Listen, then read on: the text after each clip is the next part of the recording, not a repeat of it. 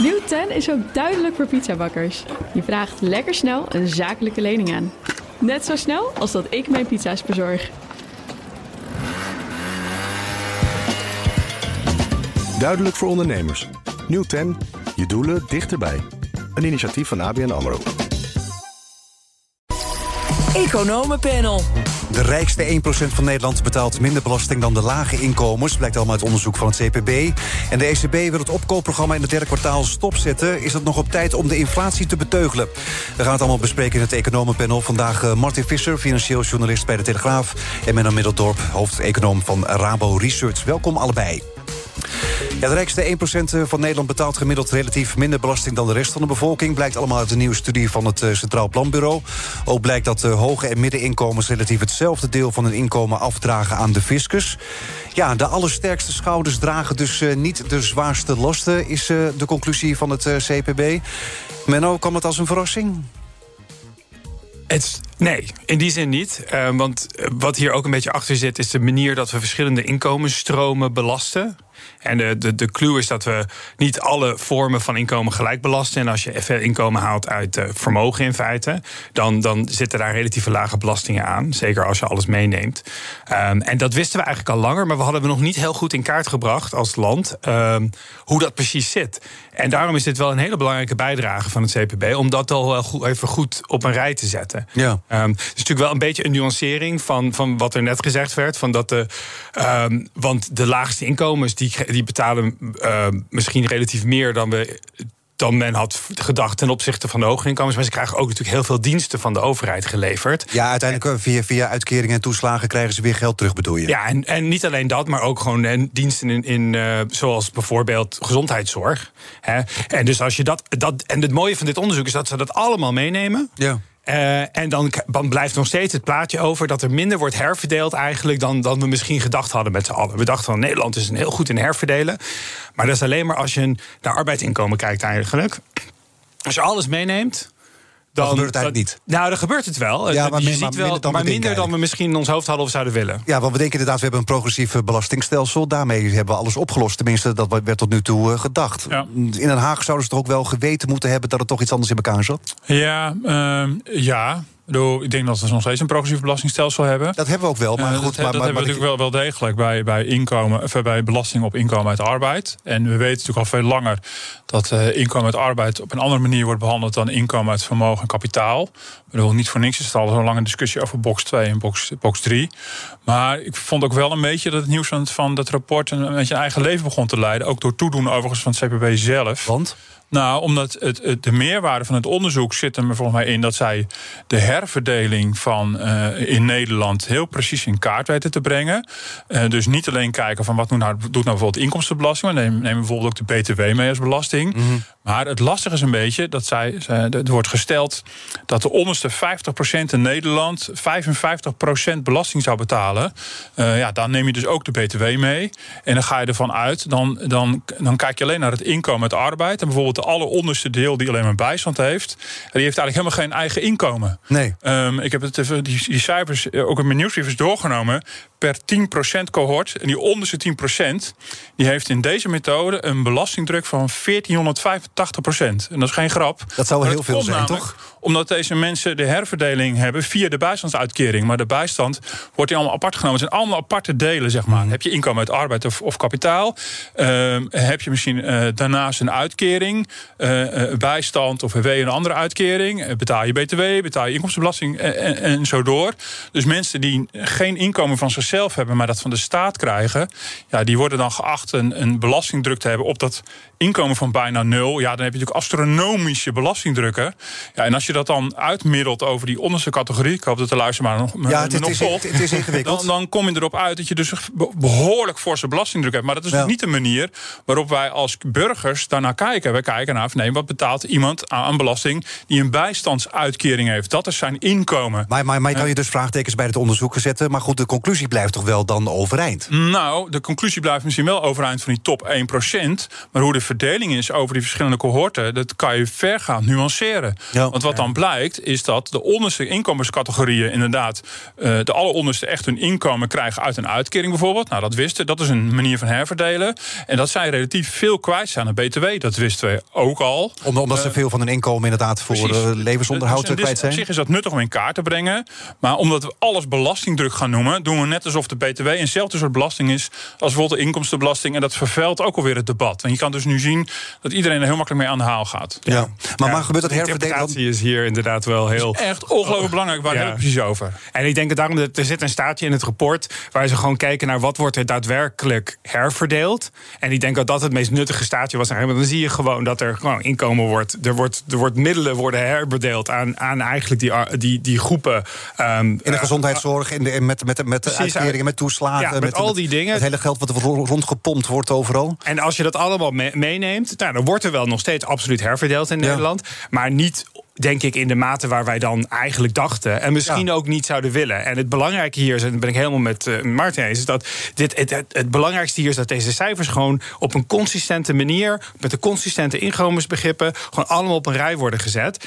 Ehm, en dan blijft het nog heel ingewikkeld. Ja. Maar je kan in ieder geval ehm, eh, het. het als je, de, als je goed door hebt wat hier gebeurt en waar je naar kijkt, dan, dan zou het wel een, positieve bijdrage moeten eh, Ja. leveren aan een oplossing. Geeft- Want geeft eigenlijk, is de conclusie, Ja. zoals het nu gebeurt, gaat het niet goed. Omdat eh, eh, Ja. de, de, de zwa- zwaarste schouders niet de zwaarste lasten dragen. Ja, toch een tweede nuancering. Op het gevaar af dat het weer ingewikkeld wordt. Ja. Wat zij bijvoorbeeld ook meenemen, terecht, zijn de sociale premies. Bedoel, eh, naast belasting betalen we ook allemaal sociale premies. Daar zit een maximum aan. Hè? En, en, en dus ze zeggen van nou, bij de hoge inkomens betalen relatief minder sociale premies, omdat er een maximum aan Ja. zit. Maar dan zou je ook maar je moeten we disconteren dat die, dat die sociale premies die leiden tot een bepaalde uitkering. Maar die uitkeringen zijn ook gemaximeerd. Dus je betaalt tot een bepaald inkomen een premie en dan houdt het op. Eh, maar dan ben je daarboven ook niet meer verzekerd. Dus dat, dat, in die zin kan je dat eigenlijk wegstrepen. En als je dat geen rekening mee houdt, ja, dan krijgen logischerwijs dat de middeninkomens verhoudingsgewijs heel veel sociale premie betalen, meer dan de hogere inkomens. Dus je moet ook wel echt heel zuiver kijken van wat zit Maar, hier maar, met maar, maar het klinkt alsof je het helemaal niet eens bent met het onderzoek. nou, niet met de vergaande conclusies van. En dus blijkt dus dat in Nederland helemaal niet de, de, de sterkste zwa- schouders de zwaarste Ja, lasten ja, ja. Menno? Nou, ik, denk, nou, nou, ik, ik kom op wat die meer genuanceerde stand die ik eerder had. Nou, er wordt gewoon minder herverdeeld dan mensen dachten. En Dus jij bent het eigenlijk wel eens met de conclusie? nou, ik ben het met de conclusie in het rapport, Ja. zoals het CPB dat Ja. heeft opgeschreven. Maar ik denk waar, waar, waar we het hier over hebben, zijn de reacties daarop. Waar dan, dan heel snel, zeg maar, ehm, eigenlijk andere conclusies aan worden verbonden. die meer past in het beeld die men al had. van, van, het- het- je krijgt heel snel een soort. zie je wel.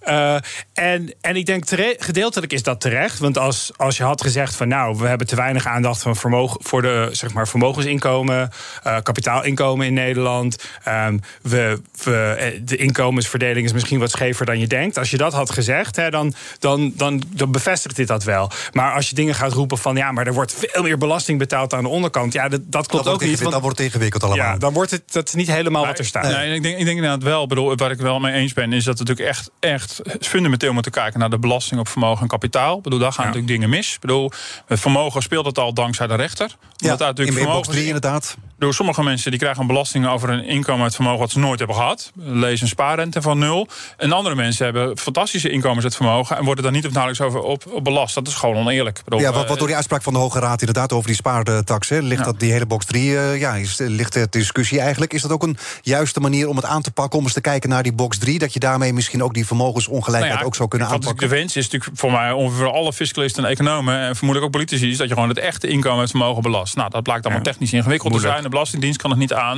Maar dat je in ieder geval een systeem zoekt... die daar zo dicht mogelijk tegenaan zit. Want dit, is, dit voelt oneerlijk, dit is oneerlijk... eh, en is ook gewoon juridisch niet meer houdbaar. Omdat mensen belasting betalen over een inkomen... wat ze nooit hebben gehad. Ja, wat, wat hier ook gebeurt, is als, als je dus een bedrijf hebt en je hebt en het bedrijf is van jou, maar er zit winst in dat bedrijf en dat kom je in laat je dan niet 2 terecht. uitkeren. Ja. Dat wordt, dat wordt hier ook als inkomen gezien van dat persoon, van dat huishouden. Ook al, ook al wordt het- het niet het- in het. CPB-rapport. In het CPB-rapport. Dus dat, daar, daar speelt aan de bovenkant vooral hier... eh, is dat een belangrijke vorm van inkomen volgens het CPB-rapport. Dat niet inkomen is, dat wordt belast. Maar, maar, maar dat geld, dat is het toch? Nou ja, dat is hun punt. Hun punt is van ja, dat bedrijf is van iemand. Als Ja. dat bedrijf winst maakt, is dat in feite inkomen van de persoon wiens bedrijf het is. Ja. Ehm, alleen, daar zitten fiscale schotten tussen. Eh, en dat, en, dus dat is ook een heel belangrijk. En het is niet alleen box 3, het is ook box 2. Inderdaad. Ja, wat Kamerleden van D66, GroenLinks en de PvdA... die willen ook eh, box 2 gaan eh, hervormen. Ze noemen dat een pretbox. Is het ook een pretbox? Nou ja, kijk, het lastige is, bedoel, eh, in zo'n CPB-onderzoek wordt de ene kant gekozen, maar je hebt inderdaad ook een andere kant. Want van oorsprong was het ook de bedoeling dat het ondernemers kan helpen om vermogen in een BV eh, op te bouwen, waar ze misschien ook andere dingen uit doen. Later dan- investeren misschien, Maar het, wordt ook, ook in toenemende maat de afgelopen jaren gewoon gebruikt als een soort van fiscale constructie om toekomstig, eh, toekomstig inkomen in te stallen. eh, min mogelijk belasting betalen. Zo min mogelijk belasting betalen. En op een manier zal het zaak zijn om dat weer uit elkaar te houden. Maar het is dus niet zo zwart-wit. Ik kan zeggen het is een pretbox, maar het is ook voor heel veel ondernemers is het niet een pretbox, maar is het een, was het ooit een logische belastingconstructie. Alleen het wordt natuurlijk ook op ma- manieren gebruikt die natuurlijk oorspronkelijk natuurlijk niet de bedoeling was. Ja, je zou ook een bepaalde manier zeggen... een pensioenfonds heeft, heeft ook een beetje die constructie. Dat is hè? ook een pretbox. Ja, ja, ja, nou, je, wordt, je, wordt niet belast over, de, over de, wat er in dat pensioen gebeurt. En de Nee. winst, dat, want die pensioenen hebben natuurlijk ook bedrijven. Ja, en die. Pas bedrijven maken ook over een winst. lager tarief moet je belasting betalen. Ja, precies. En eigenlijk, je, zou, je zou kunnen zeggen van sparen in je eigen bedrijf heeft een vergelijkbare. eh, maar dan nog worden die dingen allemaal niet op dezelfde manier belast. Dus je krijgt gewoon verschillen. En het mooie is dat dit het gewoon allemaal op één, op één manier meet. Netjes op een rij zet. En dan moet je nog steeds wel heel erg goed kijken van waar je het over hebt. Want het, is, het blijft ingewikkeld. maar, maar de discussie is de laatste tijd natuurlijk ook van minder belasting op arbeid en meer belasting inderdaad op eh, vermogen. Om dat te laten verschuiven. Dan zou je misschien ook een eerlijke verdeling Ja. krijgen. Maar, Maar dat het zijn de- overigens niet helemaal hetzelfde. Hè. Je, hebt, je hebt belasting op arbeidsinkomen Ja. en belasting uit kapitaalinkomen. dat, is, dat is weer wat anders. En dat, daar wordt hier gekeken in dit rapport. Dat is wat anders dan vermogen. Bijvoorbeeld als jij een bedrijf hebt en hij maakt niet meer winst, maar de rente gaat omlaag. En je denkt dat de toekomstige winsten van het bedrijf omhoog gaat. Mhm. Dan wordt dat bedrijf op de beurs bijvoorbeeld hoger gewaardeerd. Dat is puur vermogenswinst. Ja. Wordt door het CPB niet als inkomen gezien. In maar, dit goed, je, rapport. maar goed, je zou eigenlijk het hele belastingstelsel op een schop moeten gooien om het eerlijker te maken. Ja, Ja. Nee, dat, dat, dat denk ik ook. Ik bedoel, eh, alleen hebben we helaas niet een belastingdienst die dat allemaal aan kan. En voor mij ook niet per se Ja, maar zo politieke komt- consensus. Maar zo komt het eh, nooit verder? Nee, maar, maar wat dat ik zie wel, je ook de afgelopen jaren. Ja, maar wat, ik wel, wat natuurlijk wel weer aardig is, ik bedoel, ik begon niet voor niks het ingewikkelde verhaal over die BTW onder andere, is dat het ook wel laat zien hoe ingewikkeld en- en genuanceerd het allemaal ligt. Want eh, even los van het pleidooi van een verschuiving van eh, eh, belasting op arbeid naar belasting op kapitaal, is natuurlijk ook al veel langer een wens een verschuiving van belasting op inkomen naar belasting op consumptie. Al dan niet duurzame Ja. consumptie of niet duurzame Maar de consumptie. lage, de lage inkomens gaan dan Exact, nog meer belasting exact. betalen. Ik bedoel, en nu zeggen we ineens van, oh, maar die BTW eh, die draagt zo bij aan die belastingdruk. Dus in die zin is het, eh, ik bedoel, alle zwart-wit Economisch- reacties die Ja. daarna kwamen, eh, die, iedereen moet even drie tellers adem inhouden en kijken van waar hebben we het nou precies over. Het is helaas net even wat ingewikkelder dan de populaire reacties. eh, Ja, we proberen natuurlijk heel veel dingen tegelijkertijd te bereiken met het belastingstelsel. Zowel, eh, zowel zeg maar be- bedrag beïnvloeden als geld ophalen voor de overheid en herverdelen. Ja. Eh, de- ja, al die dingen wordt allemaal moeilijk te combineren. En dan heb je ook nog het feit dat, ja, je, ah, dat, dat het niet altijd mogelijk is om het geld te belasten waar je zou willen. Want natuurlijk, het, bijvoorbeeld in het eerdere voorbeeld, als jij een bedrijf hebt in het buitenland en die heeft inkomen, zou het CPB hier zeggen van nou, dat inkomen is van jou als eigenaar van het bedrijf. Jij zit in Nederland, het bedrijf zit in het buitenland. Ja, belastingstelsel kan daar heel moeilijk mee omgaan. Eh, dus, dus het is. Het is het is niet alleen wat je ermee zou willen, meerdere dingen tegelijkertijd. Het is ook wat je ermee kan doen en wat de belasting die je daadwerkelijk kan heffen, zeg maar realistisch. BNR Nieuwsradio. Zaken doen. Edwin Mooibroek. We zitten midden in het economenpanel met eh, vandaag eh, Martin Visser, financieel journalist bij de Telegraaf, en Mid- Middeldorp, hoofdeconoom van eh, Rabo Research. Ja, de Russische president Poetin die heeft onvriendelijke landen gesommeerd om gasbetalingen te voldoen in roebels. Kan dat zomaar? Nee. Nee, nee, nee, nee, maar nee, nee ja, ik ken alle gascontracten niet, maar, dus ik moet mijn informatie ook halen uit, de- uit de reacties die hierop kwamen. Maar het is duidelijk dat dit, als, als het al zou gebeuren, het is eigenlijk vooral een politieke wens eh, om economische sancties eh, mogelijk te omzeilen, dan zouden allerlei contracten heronderhandeld moeten worden. En de gedachte is natuurlijk een beetje, bedoel, de, de, de roebel is onderuit gezakt. Ik bedoel, door, alle sancties is ook de centrale bank op de, de zwarte lijst terechtgekomen. En als, als Poetin al zijn gasinkomsten in roebels zou krijgen, is dat heel goed voor, is het heel goed voor de roebel. Ja. Ja, en er zijn niet voldoende roebels voorhanden eh, op de internationale markt om het allemaal te betalen. Dus dan zouden de, de, de westerse landen zouden aan moeten De eigen komen bij de Russische centrale bank. Ja, nee, nee, dus, dus dat gaat niet zomaar gebeuren. Nee, gaat dat niet gebeuren, Menno? Als je kijkt naar de marktreactie. Het was eerst een heftige stijging van uh, binnen de dag van de gasprijs. Maar uiteindelijk inmiddels zijn we weer terug naar waar de gasprijs was voordat dit is aangekondigd. Dus de markt denkt ook eigenlijk van. Mm, nee, dat gaat, niet, toch, dit gaat toch niet fundamenteel dingen veranderen. Nee? Politieke move. Wat? Het is een politieke move. Ja, nou, dat wil niet zeggen dat het geen gevolgen heeft. Hè? Want kijk, uiteindelijk, uh, elk contract kan je heronderhandelen. Zij hebben het gas. Als, zij echt, als ze echt hier een vuist willen maken, dan, dan, dan, ja, dan kunnen ze natuurlijk uh, het Westen dwingen om opnieuw te gaan onderhandelen over. Maar dat zou ook misschien kunnen betekenen dat die prijs nog hoger wordt hè, als je gaat heronderhandelen. Nou, als, als nu opnieuw, bijvoorbeeld wat, wat we nu ook gehoord hebben, is dat er een wet aankomt. Uh, die zou deze week moeten komen om dit te regelen. Ja, als dat dan. Dat, dan serieus wordt neergezet, dan zal je misschien uh, opnieuw uh, dit tot uh, onrust kunnen leiden. Maar de eerste, de, de eerste reactie van de gasmarkt was: dus, ah, wat is dit? En vervolgens, oh ja, misschien valt wel mee, laten we maar even negeren. Ja, maar wat nu als Poetin zegt van als jullie niet in roebels betalen, krijg je het niet? Nou ja, dat ja, zou, kunnen. Ik vond trouwens grappig dat jij kan een stemmetje doen bij een gasmarkt. Maar, uh, zo klinkt de gasmarkt. Ja, zo klinkt de gasmarkt. En uh, een beetje een hoge toon, had ik wel verwacht. Nee, maar, uh, nee, ja, maar dat, dat zou het interessant hier aan kunnen zijn. Want ja, ja mij verbaast me nog over... Dat bij, we hebben een eerdere ronde sancties meegemaakt rondom de Krim. En toen was het sanctie en tegensanctie. Dat is nu eigenlijk uitgebleven. Ja. Dus ik ben ook benieuwd of dit een soort opmaat is van... oké, als je niet de roebels betaalt, dan draai je die gaskraan een stukje dicht. Is dat niet ik heb geen idee of dat gaat gebeuren. Nee, maar, maar dan hebben wij ook een probleem. Dat kan je heel strategisch doen. En hij ook. Ja, en hij ja, nee, ja, behalve dan, behalve dat als je het een beetje dicht draait en je drijft de prijzen op, dat uiteindelijk, uh, uiteindelijk zijn, zijn inkomsten min of meer gelijk blijven of hoger worden. Uh, helemaal dichtdraaien, dat is aan beide kanten een probleem. Dus dat zal niet gebeuren. Maar ik weet niet of het een soort eerste trap in een escalatie is van een tegensanctie. het is natuurlijk klassiek Poetin om steeds weer opnieuw onrust te zaaien, dingen op, op het spits te drijven. Um, we weten niet helemaal hoe ver hij hierin zal gaan. Maar het is voor hem ook iets wat hem zelf net zo hard snijdt. Hij heeft een dure ja. oorlog die hij nu moet voeren. Maar, maar, maar, goed, als je nu inderdaad een klein beetje dichtdraait... dat Europa een beetje zenuwachtig wordt... en dat ze denken van, oh, nu moeten we misschien toch wel uh, roebels uh, gaan wisselen... ook al gaan we daarmee on, onder onze eigen sancties uh, uit? Als hij, het, als hij zeg maar, een klein beetje dichtdraait ja. om, da, om die om, om druk per op te contract voeren. zeg maar, te gaan heronderhandelen. Ja. Nee, kijk, er zijn allerlei scenario's denkbaar waar hij toch dat middel inzet, namelijk geen gas leveren en te kijken wat er dan gebeurt. En ik denk dat um, het, het, het zeker niet uit te sluiten is dat, dat hij het, het verder op gaat drijven. Want het is steeds, de tactiek is steeds opnieuw om, om het randje op te zoeken. En hij heeft er natuurlijk ook gewoon alleen maar baat bij om een hogere olie, oh, uh, gasprijs te zien, ook een hogere olieprijs. Maar voor mij heeft hij de gas gasmarkt nog relatief weinig middel gebruikt de afgelopen paar weken. Nee, en beide kanten eigenlijk zijn een beetje van de gasmarkt weggestuurd in Europa. Ja. Want wij hebben het nodig en zij hebben het geld nodig. Dus, maar ja, het is natuurlijk de impliciete dreiging die er altijd achter heeft gezeten. Want anders was die gasprijs niet in de tussentijd, zeg maar, na de oorlog is die gasprijs enorm gestegen en dan weer teruggekomen. Dat was juist dat, er, dat de vrees dat ook de gasmarkt geraakt zou worden. En die vrees is natuurlijk niet helemaal weg. Nee, wat Mark Rutte zei na afloop van de EU-top dat het niet van een energie, niet tot een energieboycott uh, zou komen. Dat is ook wel een beetje logisch natuurlijk, omdat ja. we het zelf hard nodig hebben. Nou ja, er werd ook wat, wat, wat enthousiaster dus aanstekens gesproken over een, over een olieboycott en over een gasboycott.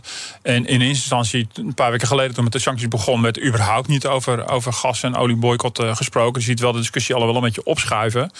Maar ja, uh, de afgelopen weken is Nederland en de Europese Unie druk bezig geweest om te inventariseren van wat zou het überhaupt betekenen als, als Poetin dat besluit zou nemen. Ja, we krijgen misschien iets meer gas van Amerika. Ja, en dan moet je natuurlijk bedoel, en je kan een heel eind komen, uh, lijken nu de eerste signalen te zijn. Uh, Amerika, maar je moet ook bij Qatar en dat soort landen gaan bedelen. Mm -hmm. uh, dus het is, allemaal, het is allemaal geen fijn spel wat er dan gespeeld moet gaan worden. En het kan ook niet zomaar overnight. Kijk, we, we, we zijn nu de winter uitgerold, dus dat geeft alweer een beetje lucht. maar we kunnen ons hier op dit terrein weinig krachtpatserij ver, veroorloven. Ja. De Nederlandse ECB-topman Frank Elderson die liet vorige week doorschemeren dat de centrale bank in het derde kwartaal ophoudt met het opkoopprogramma. Om daaraan toe te voegen dat de rente waarschijnlijk nog dit jaar gaat stijgen. Komt dat op een logisch moment? Nou, het ligt keurig in lijn met zijn voormalige baas Klaas Knot, volgens mij. Uh, ja. die, die al eerder gesuggereerde uh, op een iets onverwacht moment nog dat er uh, eind dit jaar een renteverhoging zou komen. Dus in die zin vond ik het niet per se heel nieuwswaardig. Maar blijkbaar dat obligatiebeleggers nog van geschrokken zijn. Want de rente loopt behoorlijk op. Ja, wel, inderdaad, de marktrente loopt uh, flink op. Maar die ECB-verhoging van de rente komt er nog op tijd. Want ja, we zitten natuurlijk al met een flinke inflatie. Hè? Nou, ik denk dat die lange rente dat die hard oploopt. Minder te maken heeft met uh, wat de ECB aan het roepen is. En meer te maken heeft met de, de, de inflatieverwachtingen ja. die in de markt geprijsd worden. En dat is juist eigenlijk bijna het omgekeerde. Hè? Het betekent dus dat wat de markt betreft, uh, de kans dat er langdurig hoge inflatie is. Um, hoger was dan daarvoor. En als de ECB nu heel agressief zou zijn, dan zouden ze misschien het omgekeerde moeten denken. Namelijk dat. Dus het beeld is niet van dat de ECB alles op alles gaat zetten om de um, inflatie zo snel mogelijk weer terug naar de 2% te krijgen. Het beeld is juist eerder van um, ze, ze, sturen signalen dat ze richting de uitgang gaan. Mm -hmm. en, maar dat kan de inflatie niet stoppen. Nee, dat kan. Kijk, op korte. Je kan überhaupt op de huidige inflatie kan je met monetair beleid weinig doen. Het duurt, het duurt anderhalf jaar ongeveer voordat je een beetje grip op de economie begint te krijgen. En de veronderstelling was nu uh, steeds dat de inflatie wel een flink stuk onderweg naar beneden zou zijn over dat termijn. Mm -hmm. En dan moet je eigenlijk als centrale bank, want als centrale bank kan je geen, je kan niet meer gas maken, je kan niet al die problemen in de internationale ketens, uh, waardeketens, kan je ook niet oplossen. Dus, dus de renteverhoging heeft al geen zin. Nou ja, dat, dat, nou, dus ja. daar komt de tweede kant van de ja. redenering. Op het moment dat je ziet dat mensen in ver in de toekomst ook nog een keertje inflatie gaan verwachten. Ja. Dan ben je als centrale bank een permanent of een langdurig inflatieprobleem aan het creëren door niet te reageren. En in eerste instantie leek het er niet op dat dat een groot gevaar zou dus zijn. Dus die, rente, die renteverhoging is om de inflatie in de toekomst al een klein beetje te dempen? Ja, om die inflatieverwachting, ja. om het beeld van dat. Het, ze proberen eigenlijk een beetje uit te schalen. Ja, we laten dit niet uit de hand lopen. Uh, um, dus de inflatieverwachtingen die, die hoeven niet al te ver op te lopen. En de mensen hoeven niet al te hoge lonen uh, te gaan ja, ja, om geen loonprijsspiraal uh, te om krijgen. Om dat te voorkomen. Ja, maar, maar goed, in Amerika gaan ze veel harder. Hè? Zijn we niet een beetje terug, uh, terughoudend? Nou ja, er is wel een groot verschil. In Amerika hebben ze een um, veel tastbaardere loongroei. Hè? Veel hoger. De economie doet het ook beter. Uh, ze zijn minder kwetsbaar voor wat er in uh, Rusland gebeurt. Uh, dus dat de, dat, de, dat Fed hierin voorloopt is geen verrassing. Oké, okay, dank jullie wel. Martin Visser, financieel journalist bij de Telegraaf... en met Menno Middeldorp, hoofdeconoom van Rabo Research. En zometeen hoor je waarom we moeten terugverlangen naar Cora van Mora... de rode olifant en George Clooney. Nieuw 10 is ook duidelijk voor pizzabakkers. Je vraagt lekker snel een zakelijke lening aan. Net zo snel als dat ik mijn pizza's bezorg. Duidelijk voor ondernemers. Nieuw 10, je doelen dichterbij. Een initiatief van ABN AMRO.